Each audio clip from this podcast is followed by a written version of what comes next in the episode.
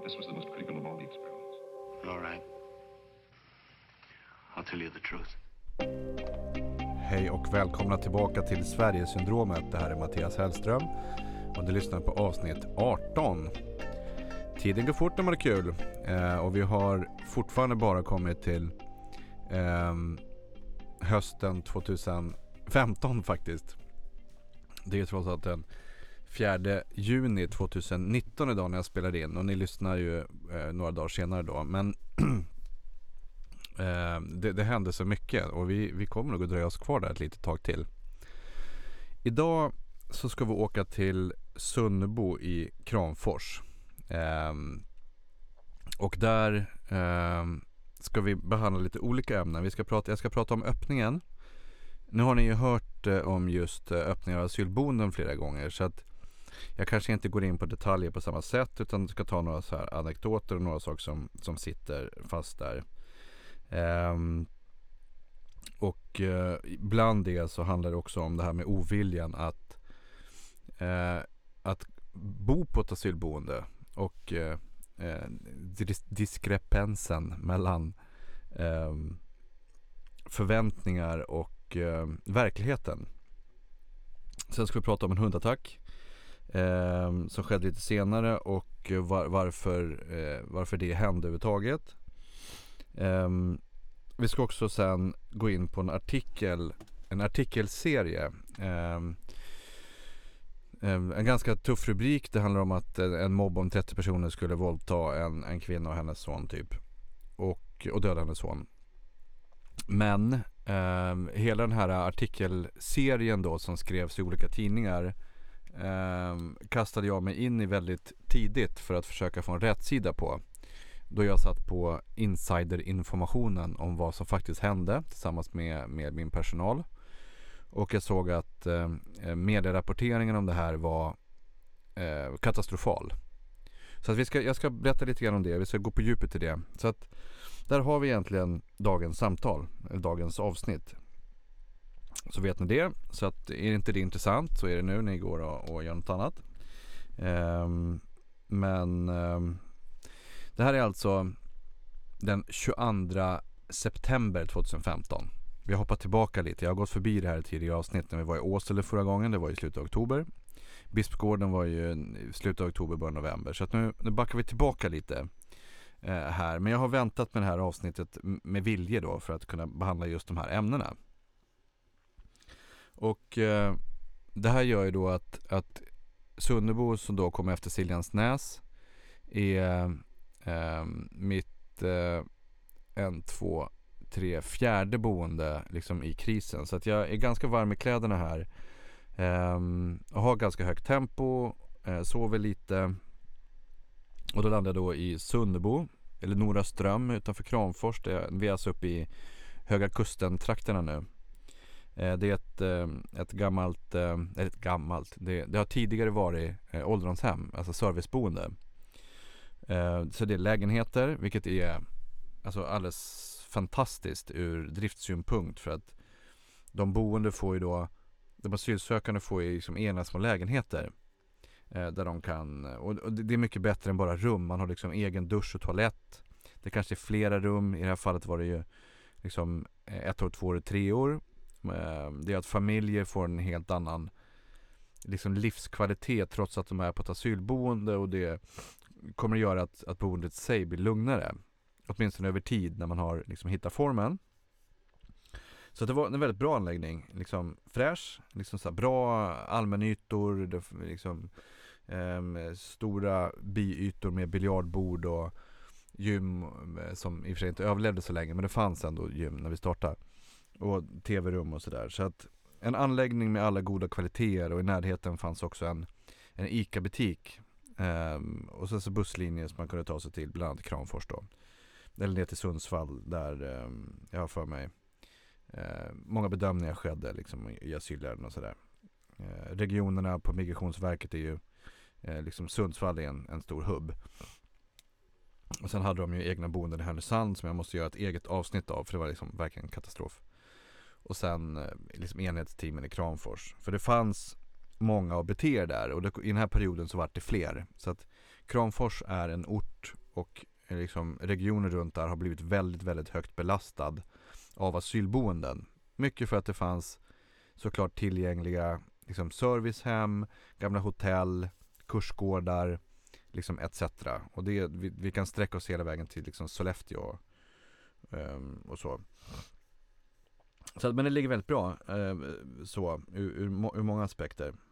Och vi, de, i det här fallet som vanligt då så kom ju de asylsökande på natten därför att de åkte liksom en vettig tid från Malmö och sen så tar det så lång tid att komma upp så de landar liksom hos oss vid fyra tiden på morgonen eller något. Och Migrationsverket lokalt här var faktiskt väldigt mycket på tårna. De var väl förberedda. De var med när bussarna kom och tog hand om dem. Liksom, eh, bemötte dem, svarade på frågor. Så att för oss i driften så var det en ganska skön etablering. Just därför att, eh, vilket bra stöd. Eh, jag har ju varit med om många etableringar där Migrationsverket inte ens var där utan vi fick vara liksom den första eh, liksom kofångaren, stötfångaren liksom för de som kom. Eh, och det Det jag kommer ihåg mest av det här, det var och, Jag kommer ihåg det mest därför att det också var något som förändrades i mig. Jag tappade någonstans um, Jag blev mer cy cynisk av det här. Och irriterad, arg och jag var redan trött. Och det, det handlar om en, i det här fallet en afghansk familj Um, jag har för mig att det bara var kvinnor i konstellationen och barn, ganska många. Som vägrade flytta in i sin lägenhet. De vägrade ens gå in. De satte sig helt sonika i foajén och typ protesterade. Um, och våran, alltså mitt bemötande i en sån situation är ju framförallt övertalande att försöka förklara liksom okej okay, det här är lägenheter, det är mycket, mycket bättre än ett annat boende. Um, liksom det ser ut så här porten, det finns den här kommunikationen. Ja, ni är inte i Stockholm. Uh, ja, ni är inte i Malmö. Ja, ni är inte i Göteborg. Men det är så här det ser ut. Vi har en överbelastad kapacitet. Liksom bara bear with it. Och så bara in på rummet nu. Bara ta en nycklar. Men det fanns, de, hade, de vägrade. Eh, liksom eh, på en ganska tuff nivå. Liksom debatt, diskussionsklimatet var inte alls trevligt. Och här står jag och vet att anläggningen är en oerhört bra anläggning liksom. Alltså rummen var ju verkligen kanonfräscha. Välstädat, nymålat, liksom det hade varit väldigt mycket energi nedlagd för att göra det här till en bra anläggning. Um, så att de satt alltså och surade och, och, och tjurade för att de inte ville ha någonting vi erbjöd. Och det, det här gjorde mig verkligen arg. Uh, och det här är liksom en, när jag berättar om tillfällen så är det här ett av dem. Um, och det var ju väldigt tydligt att Bäckmörkt, svinkallt uppe i Västernorrland. Alltså jag förstår att det inte var eh, den bilden som man fick uppmålad för sig när man lämnade eh, liksom den destination man nu kommer ifrån. Jag har svårt att se att de, att det är inte så många från, som säger att de är från Afghanistan som faktiskt kommer därifrån. Och det har ni läst i massa andra tidningsartiklar så det är inget nytt för att jag säger det. Um, men det kändes som att marknadsföringen om vart de skulle landa, vad de skulle få, hur de skulle bli mottagna var väldigt långt från den platsen de här befann sig på. Så de helt sonika vägrade och då tänkte jag bara att då är det bara åk hem. Det var, min, det, det var min enda reaktion då. Det är min enda reaktion idag. Och då skulle jag nog vilja diskutera med mig själv här. För det känns ju inte speciellt mjukt och trevligt att tänka så. Men Alltså har man de här diskussionerna som jag hade då varje dag, då blir det här Det är svårare och svårare att hitta gråskalan Liksom att vä väga för argument och känna i att de, jo men det var nog ändå så att de har rest långt och de är trötta och stressade och hade andra förväntningar och, och så. Man kan nog någonstans förstå deras reaktion. Nej, jag kan inte vara där längre. Och jag kunde framförallt inte vara där just då. Även fast jag i mitt, liksom, min, min diskussion med den här familjen var oerhört pedagogisk och liksom tålmodig. Och vi var flera, liksom Migrationsverket försökte, jag försökte, varandra försökte. Så att det, här, det här drog ju ut eh, och, och liksom hela natten på de här. Och eh, det skapade också en oreda liksom på flera sätt bland andra asylsökande. För det var ändå två läger. några som liksom nyfiket kollade vad som hände och insåg att okej, okay, fine. Om de här kommer få åka någon annanstans då måste vi också vara på tårna för att ställa till problem så vi kan åka med. För vi vill inte heller vara kvar. Och sen var det en, en stor bulk av som inte alls hade förståelse för att man kunde vara så fräck och liksom dålig i situationen att man satt där och vägrade gå in på ett rum som man fått i en fastighet som såg fin ut, i rum som såg fin ut och så vidare. Så att det var, eh, det var uppdelat liksom både bland personalen, Migrationsverket och, liksom, och andra asylsökande eh, här. Och jag, det här har jag sett på många tillfällen. Jag har också varit med om att det rullat upp en liksom, svart BMW, studsat ut några som till synes inte alls ser ut som asylsökande, dock från Mellanöstern någonstans. Gått in, tittat på ett rum och så bara nej tack. Och sen så åkt därifrån. Så, som har varit placerade där. Um, så så man, det, det, finns det finns bara tillräckligt många gånger man kan ta det här innan man förvandlas till någonting mörkt. Och inte tar diskussionen om från, från deras håll. Jag är liksom inte intresserad av att plocka på mig deras ryggsätt och känna in varför de säger nej. Um, och jag, för mig är det en konflikt därför att jag är inkännande, jag är en servicemänniska. Det är nog därför jag har orkat hålla ut för att jag liksom Service firm, I aim to please. Det har liksom, jag, jag är sån. Eh, på gott och ont. Men det här det här är, det här är sånt som, som skulle påverka även den mest uthållige i, i frågan. Um, att diskutera det här kräver för mig att liksom hitta någon typ av balans. Och här känner jag att mot er som lyssnar så behöver jag vara väldigt ärlig. Liksom att här tappade jag det på riktigt. Liksom, och har inte fått tillbaka det.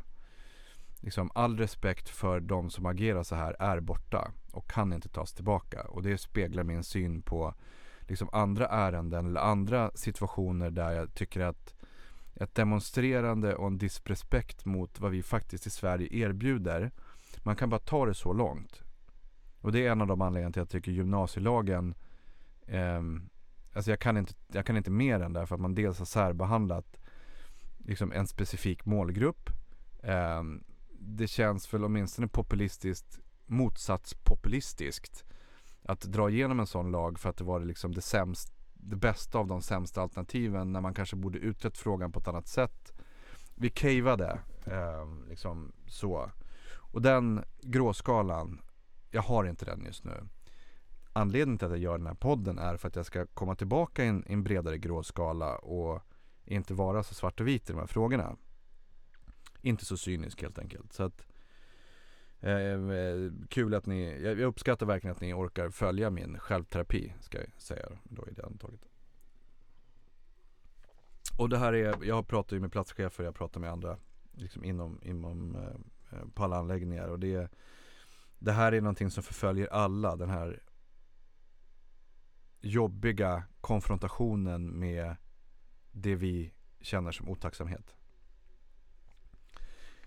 Sen är det också så att det är inte liksom overall så många av, som, som landar i en sån situation och, och sätter emot värn på det sättet som de gjorde här. Eh, låt säga att, nu kommer jag inte ihåg exakt hur många som bodde där men jag har för mig att det var typ 130-140 som kom första, eh, första dygnet, eller som bodde där. Och det var ju faktiskt bara en stor familj och så en hög man som gnisslade men som ändå liksom gav med sig efter lite gnisslande. De testade nog mer. Um, så, att, så att på det stora hela så är inte det här motsvarande alla som kommer. Det måste jag också vara tydlig med. Men de utstickande händelserna, det är det, det, är det som gör att man påverkas.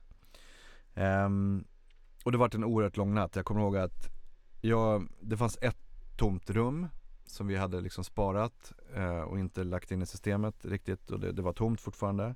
Där somnade jag, eh, liksom invirad i, jag var tvungen att ta ner gardinerna för jag hade inga, inga egna lakan och täcken med mig, har jag glömt. Så jag somnade invirad i gardinerna vid liksom fem på morgonen. Och sen när jag liksom kvicknade till någon, två, tre timmar senare och letade reda på han då som, eh, som var platschef, anställd som platschef. Eh, då hittade jag honom i, i ett källarutrymme där vi har typ vaktmästarsäng, eh, vilplats typ, invirrad i det enda han kunde hitta. Så han låg och sov i, i svenska flaggan. Eh, så, det var märklig natt det där. Ja, så kan det gå. Men sen var i vilket fall anläggningen öppnad och den eh, var på det stora hela ganska lugn. Ehm, men jag har nog nämnt det tidigare. Under hösten 2015 förändrades demografin i de som kom. Um, från att vara lite mer lätt och luftigt och snällare även fast man hade problem tidigare så kom det nu fler som sa att de var eller hade varit aktivt stridande i något typ av förband. Många hänvisade till Irak eh, på flera av våra anläggningar. Vi hade samma liksom, diskussioner. Och med det kom liksom också en, så här, den här alfahanne-biten. Det var mycket kaxigare. Um, det fanns säkerligen en mängd liksom, stress och posttraumatisk liksom, stress från krig och händelser och så som eller flyktingläger eller liksom bara resan hit vad det nu kan vara. Som hade påverkat de här unga männen hårdare. Um, och det resulterade, det här måste varit ett par veckor in kanske. Det var inte länge in. Um, I alla fall, jag har fått samtal från, från platschefen som liksom är ny platschef, han har bara varit här två veckor så han är liksom inte riktigt in i totalmatchen här och liksom, som alla andra många samtal för att höra vad jag tycker och tänker och sådär. Och då, har, då är det ett, en gruppering då som vi, vi direkt fick problem med som var hotfulla, hotfullare. Um, och det finns alltid någon huvudperson i, i sådana här konstellationer som, som är den som, som driver på mest. Och nu hade det smalt på räcket. Det hade, det hade blivit en konfrontation mellan eh, människor som sa sig från vara Irak eh, till, jag har för mig afghaner, jag kommer inte riktigt exakt ihåg.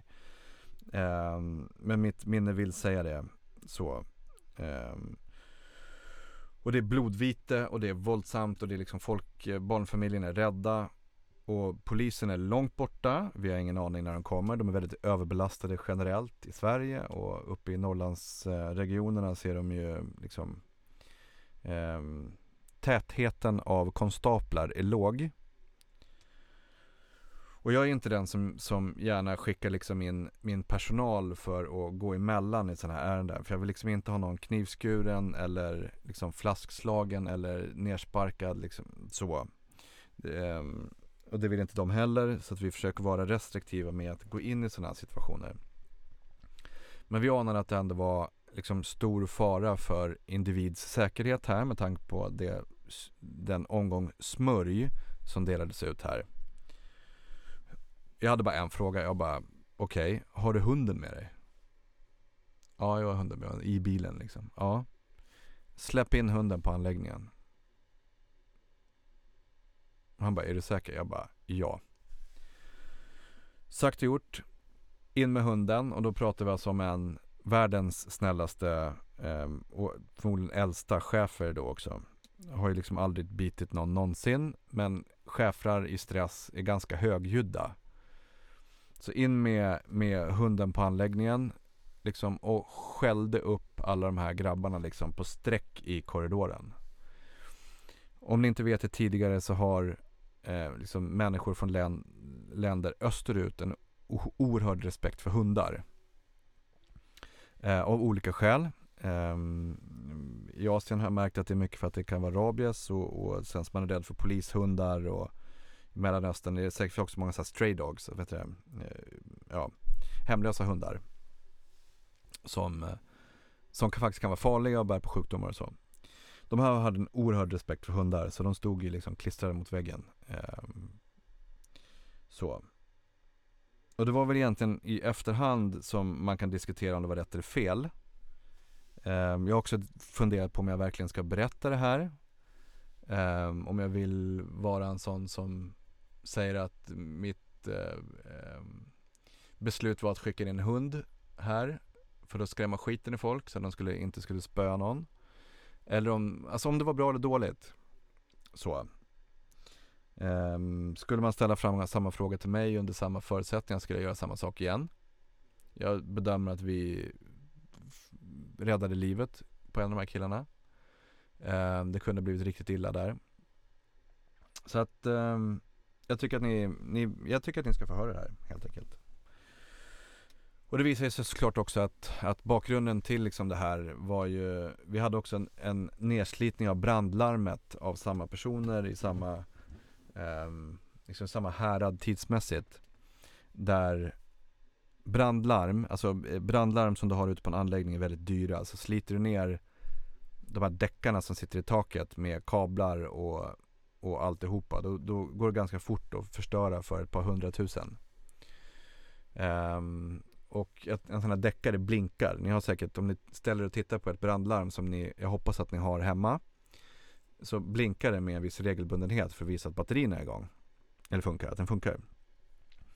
Och då var det något, eh, eh, någon smart kille där som trodde att det var tv-kameror i de där och han kände sig paranoid och förföljd och så slutade med att han liksom rev ner brandlarm för då typ dryga 250 000 som sen skattebetalarna fick eh, ersätta såklart. För uppenbart att det inte var vi som förstörde det då.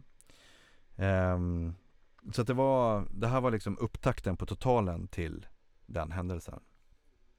Sen blev det förflyttningar, det polisanmäldes och, och sådär så att det vart lugnare efter det men ibland får man ta till stora schäferhundar helt enkelt för att lösa det. Polisen kom ju för, liksom senare, eh, inte förr då, för att göra sitt jobb och det, alltså det är inte lätt. Alltså hur kul är det att vara polis uppe i Norrland? Alltså det kan ju inte vara roligt att kämpa. Där uppe. Alltså med de avstånden, med den liksom minimala bemanningen försöka stävja brott. Jag förstår att det, att det är många diskussioner om eh, liksom grannsäkerhet och byalag och liknande för att hålla koll på på buset. Så. Um, ja, så att det var, där, där har ni den. Det var um, den punkten. En annan rolig sak där uppe för övrigt. Som jag kommer att tänka på nu. det var att när, när vi startade anläggningen så um, Om man går från noll till 130 boende i en fastighet då påverkar man ju vattnet till exempel. Så att jag jag vill minnas att alla som låg längre ut på samma vattenledning de fick nog inte vatten tror jag. De fick väldigt lite vatten i duscharna för vi sög upp så mycket vatten liksom på, på anläggningen initialt innan man säkert har dimensionerat om någonting. det var jättegalet. Ehm, jag ska försöka få eh, gamla platschefen till ett avsnitt så ska han och jag diskutera och resonera. Han, han kämpade hårt där uppe tog ut dem och åkte skoter och, och massa roliga grejer. Ja, så kan det gå. Um, nog om det. Det jag ska gå in på nu det är alltså mer av en, liksom hur den journalistiska bevakningen kan se ut. Um, och sätt som gör att jag inte tyckte att den var så bra. Det här är um, det här är ett exempel från december ehm, um, 2015. Jag har alltså skrivit ner en, jag, jag gör ju loggar på väldigt mycket, framförallt händelser som har varit större där jag, där jag känner att jag behöver liksom kunna backa tillbaka.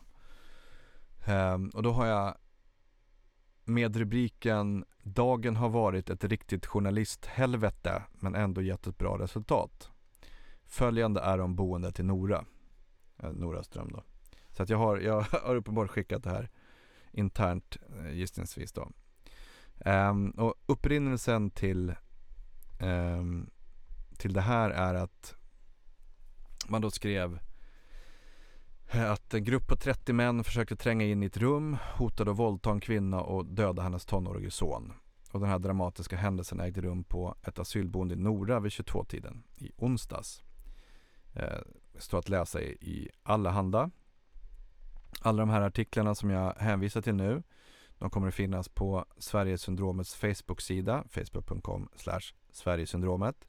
Där ni själva kan liksom läsa in er om ni tycker att det är kul.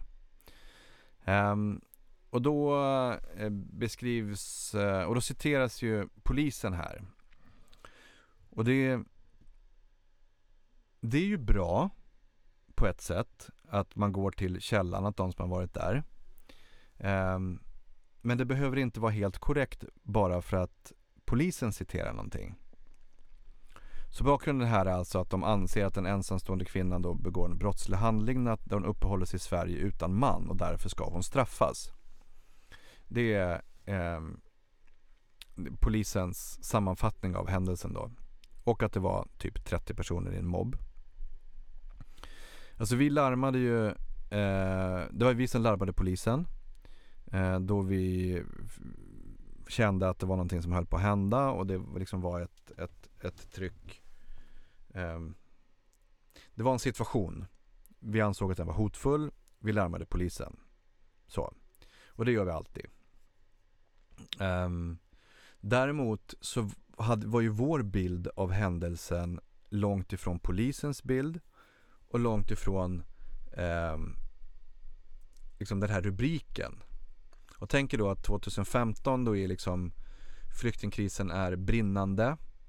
Ehm, medialt sett så, så, skrivs det mycket och det här är liksom en typ av vinklande eh, vinklad artikel som, som jag tror att man verkligen ville få ut. Det, ska, det liksom, man skapade läsare.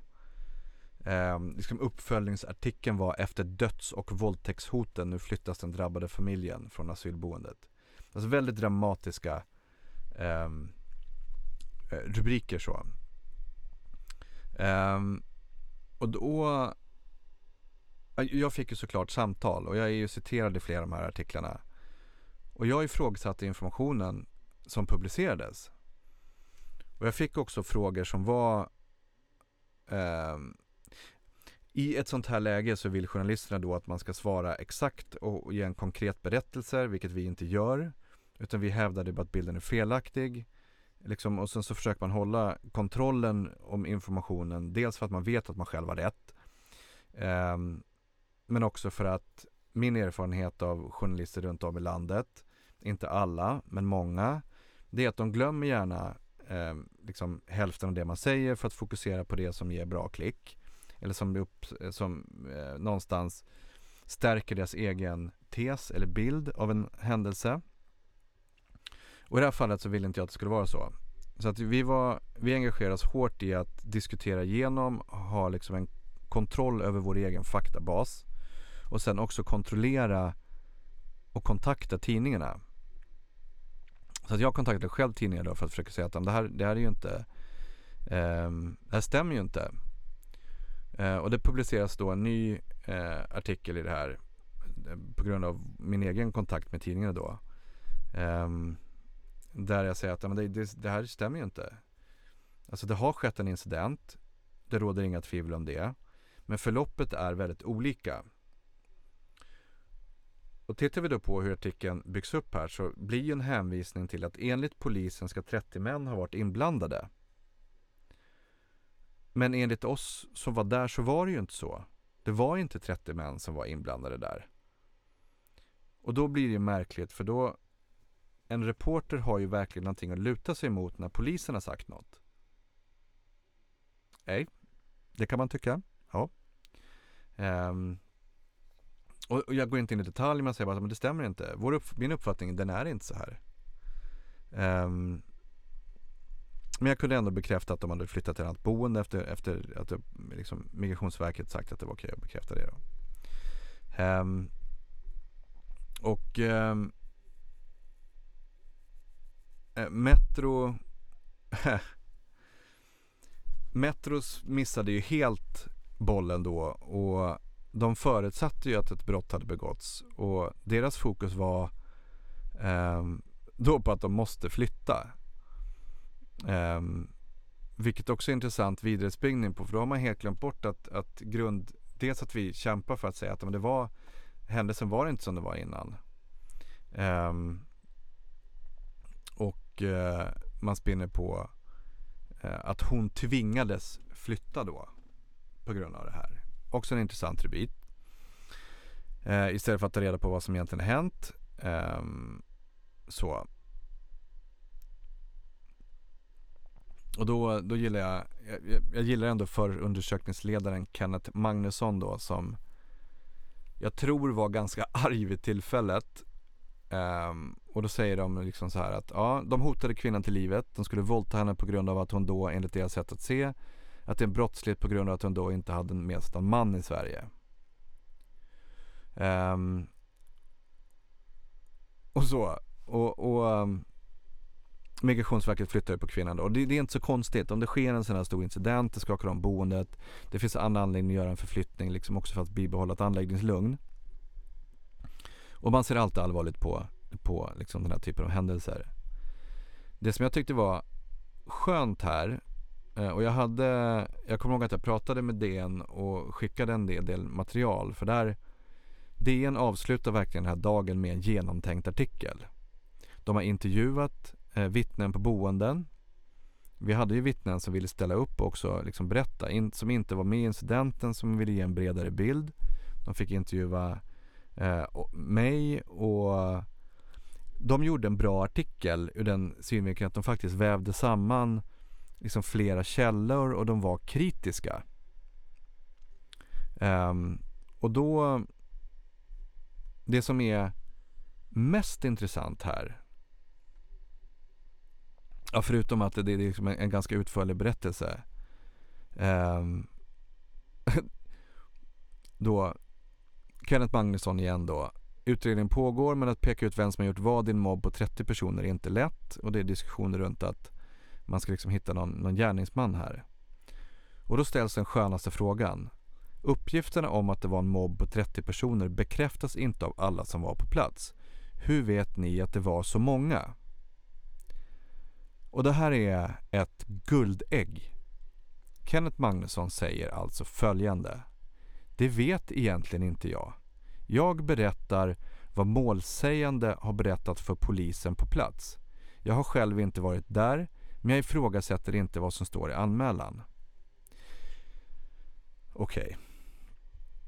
Så att någon har alltså blivit hotad, har gett en bred bild om en händelseförlopp som rimligtvis är ur den egna personens perspektiv.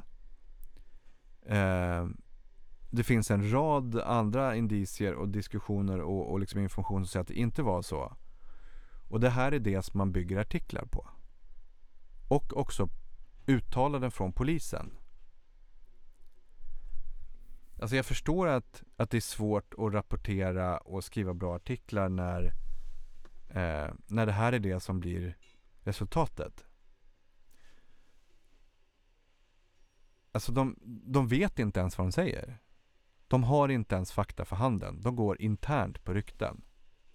Och jag är glad att Dagens Nyheter skrev den här artikeln. Jag är glad liksom, att man ändå tog uppgiften på allvar. Um, och hur ska ni som lyssnare eller ni som läsare av en tidning, liksom av artiklar kunna tro på det som skrivs alla gånger. Om man måste liksom kritiskt granska liksom händelser på den här nivån. Och nu var jag eh, liksom mitt i den här diskussionen. Jag hade all fakta för handen så det var lätt för mig att kritiskt granska inifrån och försöka göra något vettigt av det. Eh, till viss del också på att det var väldigt mycket negativa skriverier om asylboenden så att jag tyckte att det någonstans fick vara lite nog att man försökte så här ändå hitta en bra balans.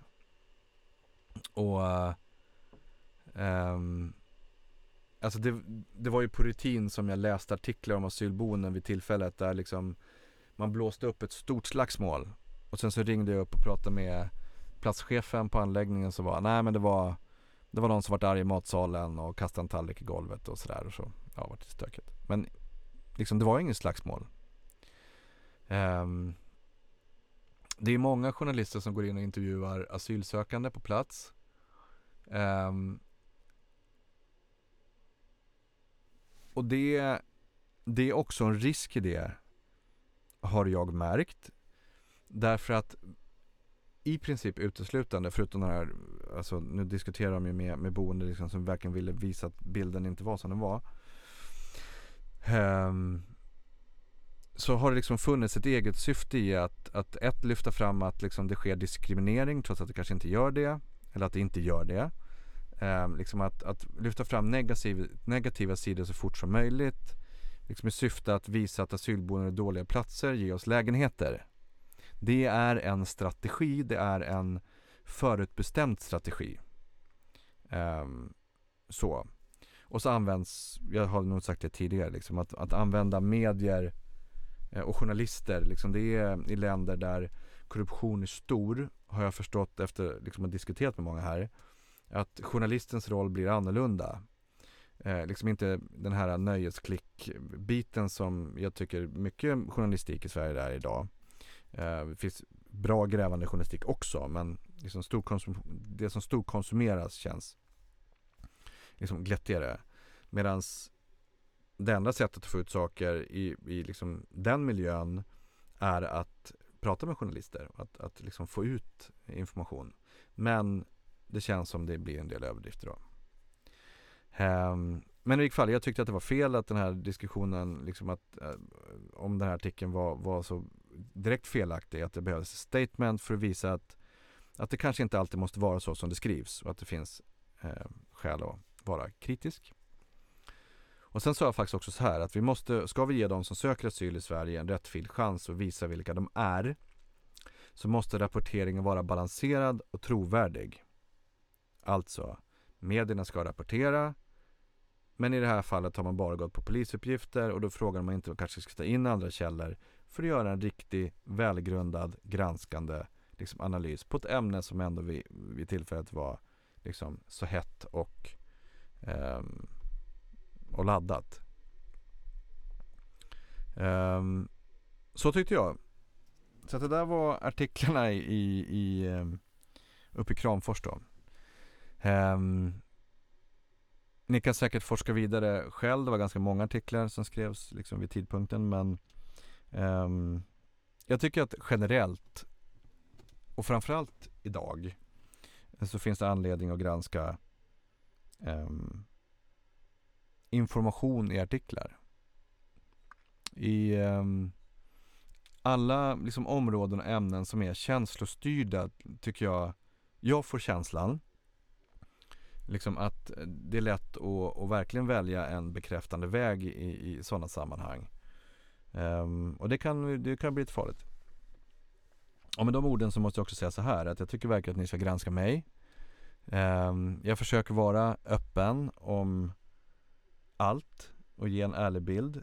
Um, men om ni söker på, googla på Mattias Hellström i kombination med asylboende Ehm, eller i kombination med Jokarjo, J-O-K-A-R-J-O så brukar det eh, det ploppar nog upp en ganska bra bruttolista på artiklar där jag säger saker.